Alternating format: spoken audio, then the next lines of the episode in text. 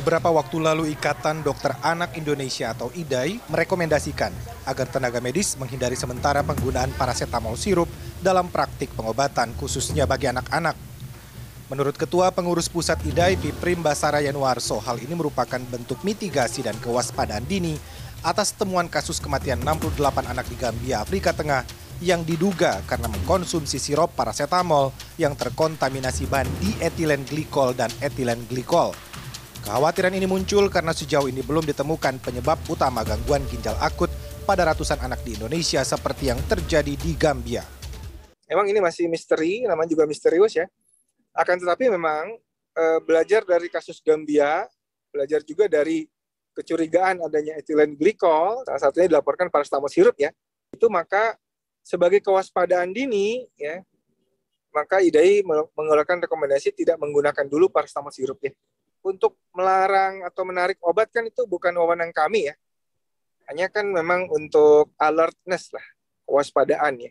Juru bicara Kementerian Kesehatan RI Muhammad Syahril mengatakan Kemenkes telah membentuk tim yang terdiri atas Badan POM, ahli epidemiologi, ahli farmakologi, Puslap for Polri serta IDAI dan masih melakukan pemeriksaan laboratorium untuk memastikan penyebab gangguan ginjal akut pada anak.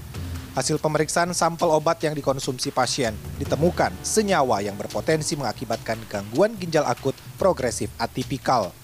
Tim ini terus menelusuri secara komprehensif, termasuk kemungkinan faktor risiko lain bukan hanya obat-obatan.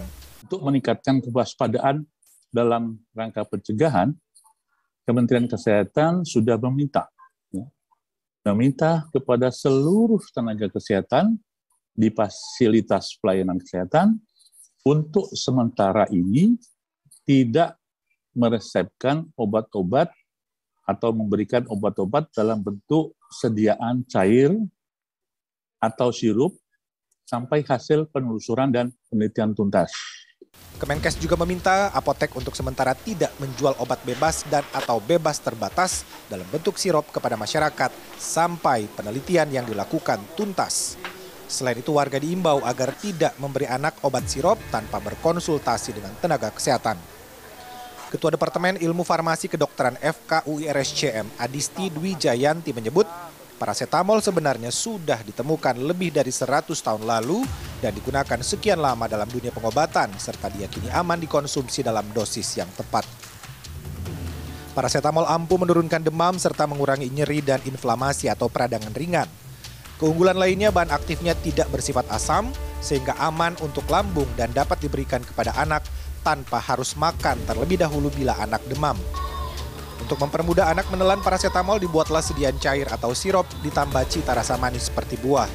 Biasanya senyawa turunan alkohol, yaitu dietilen glikol atau etilen glikol digunakan supaya zat aktif paracetamol mudah larut. Penggunaan senyawa ini tentu harus dengan rekomendasi otoritas obat dan makanan karena memiliki ambang batas aman penggunaan. Ada batasnya yang bisa ditoleransi oleh ginjal kita karena memang etilen glikol itu memang uh, dieliminasi melalui ginjal ya. Jadi kalau kadarnya terlalu berlebihan akan mengganggu fungsi ginjal. Adisti menambahkan penggunaan zat dietilen glikol atau etilen glikol akan dimetabolisme oleh organ hati.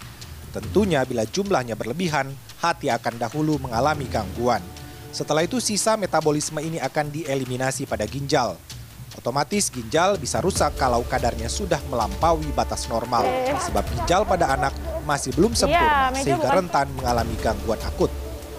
Menurut Kemenkes, jumlah kejadian gangguan ginjal akut pada anak di Indonesia yang dilaporkan sejak Januari hingga 18 Oktober 2022, 206 kasus dan 99 kasus atau 48 persen pasien di antaranya meninggal. Sisanya masih menjalani perawatan dan ada yang dinyatakan sembuh. Arman Helmi, Galuh Prestisa, Jakarta.